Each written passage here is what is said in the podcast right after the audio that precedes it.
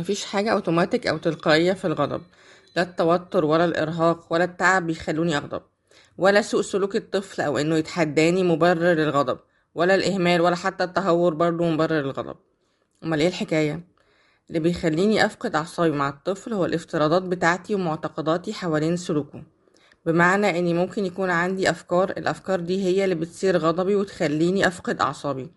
لأنها بتشوه الموقف وتخليه شكله أكبر من حجمه الحقيقي وأسوأ. الأفكار دي هنسميها الأفكار المحفزة لأنها بتحفزني أتعصب من سلوكيات معينة بيعملها ولادي. إيه أنواع الأفكار المحفزة دي؟ إني أفكر إن ولادي عملوا الموقف ده عن قصد عشان يستفزوني أو يتحدوني إنهم مش بيحترموني أو عشان هم أنانيين ومش بيفكروا غير في نفسهم. الأفكار المحفزة دي بتخليني ما أفكرش في أسباب تانية لسلوك وأفعال الطفل. فبيقفوا في طريق إني أشوف المشكلة الحقيقية والسبب ورا سلوك الطفل عشان أقدر أعالج المشكلة الحقيقية للسلوك ده. المشاعر المحفزة دي بتخليني أحس بالعجز وإني مش عارفة أتصرف مع السلوك المزعج كأنها بتشل تفكيري في اللحظة دي. عشان أغير نتيجة الموقف أنا محتاجة أعرف إيه هي الأفكار بتاعتي كأم إيه هي الأفكار اللي بتغذي الغضب بتاعي وأستبدلها. أستبدلها بإيه؟ أستبدلها بأفكار تهديني وتخليني أقدر أشوف الموضوع بوضوح. محتاجة أفهم مستوى نمو ابني أو بنتي ومزاجه والاحتياجات الأساسية بتاعته. فلما أحط الحاجات دي في اعتباري هقدر أتواصل مع ولادي بوضوح وبحزم وحل المشكلة. عملوا مقابلات مع آباء وأمهات كتير عن المواقف اللي بتخليهم يغضبوا من ولادهم وإزاي بيتعاملوا مع المواقف دي وإيه الأفكار اللي كانت في دماغهم وقتها.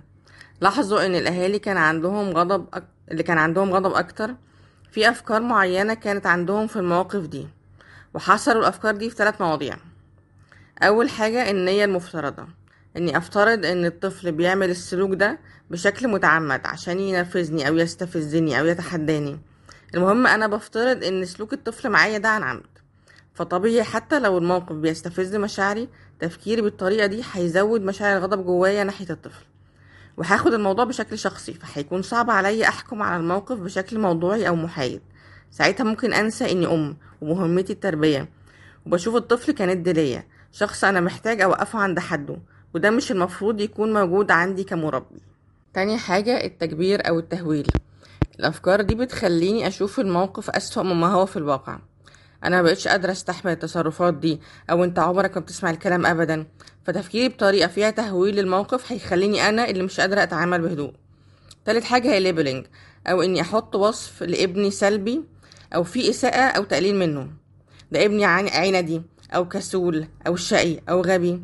كل الأوصاف اللي ممكن تخليني مفكرش هو عمل إيه قبل ما أحكم على الموقف فعلا. يعني ممكن أجي على صوت الفازة وهي بتتكسر وابتدي أزعق له من غير ما أفهم هي وقعت ليه أو إزاي؟ عشان عندي حكم مسبق على ابني إنه شقي فأكيد هو اللي وقع الفازة. زي ما إحنا شايفين الأفكار بتاعتنا كأمهات ممكن تزود غضبي وتأثر على حكمي على الأمور. بس المشكلة هنا هو تأثير طريقتي دي في التعامل على ولادي. يعني لو أفكار دي عندي وأنا بتعامل مع شخص كبير ورحت قلت له أنت قصدت تضايقني أو قصدت تستفزني فالشخص الكبير ده قادر إنه يرد عليا ويدافع عن نفسه.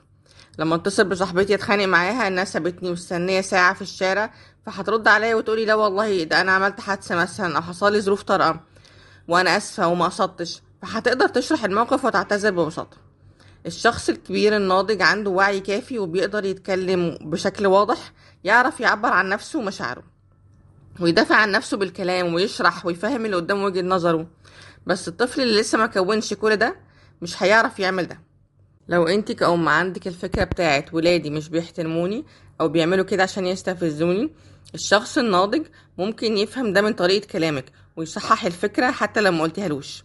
بس الطفل عمره هيفهم الفكرة ورا الكلام ويبتدي يصححها لك لما ابتدي أزعق لطفل وأقول له أنت شقي أو بتستفزني يا هيبتدي يعيط أو يدخل في حالة غضب إنه مش عارف يدافع عن نفسه. وفي الحالة دي عمره ما هيكون قادر يعبر عن اللي جواه بشكل صحيح.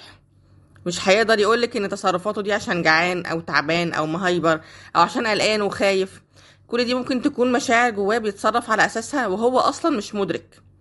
فدوري كأم إني أفهم ده وأتعامل معاه بهدوء عشان أقدر أسيطر على الموقف. لو ابني كسر الفازة وقلت له خير معلش ممكن تساعدني في التنظيف. روح هاتلي المقشة والجاروف. استغل الموقف إني أعلمه إزاي يتصرف. أو إنه نقدر نعمله كعمل فني نروح نجيب صمغ ونلزقها مع بعض. ابني معتمد عليا في المواقف دي إني أهديه وأقوله دي مش نهاية العالم. أعرفه الحل فين ويتصرف إزاي. لما أنا أتصرف بشكل هادي ولادي هيهدوا معايا. بس لما أبتدي أزعق وأتنرفز هما كمان هيتعلموا الغضب مني. وكمان الأطفال بيبنوا صورتهم الداخلية عن نفسهم من خلال الكلام اللي الكبار بيقولوا ليهم. فلو أنا بوصفه بأوصاف فيها تقليل وإهانة هيطلع بيشوف نفسه كده. وده هيأثر على تقديره لذاته في المستقبل. ماما قالت لي إني غبي أو مهمل أبقى أنا كده فعلا. الطفل بيصدق ده على إنه حقيقة مش مجرد كلام ماما قالته وهي متعصبة. ولو كبر وهو مصدق ده عن نفسه هتبقى قدرته على التغيير أقل. وهيبقى كلامه الداخلي مع نفسه ما أنا فاشل خلاص هقدر أعمل إيه؟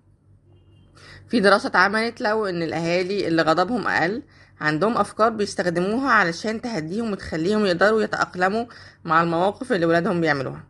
وحصلوا الأفكار دي في سبع أفكار. دي مجرد مرحلة الأطفال كلهم بيعدوا بيها.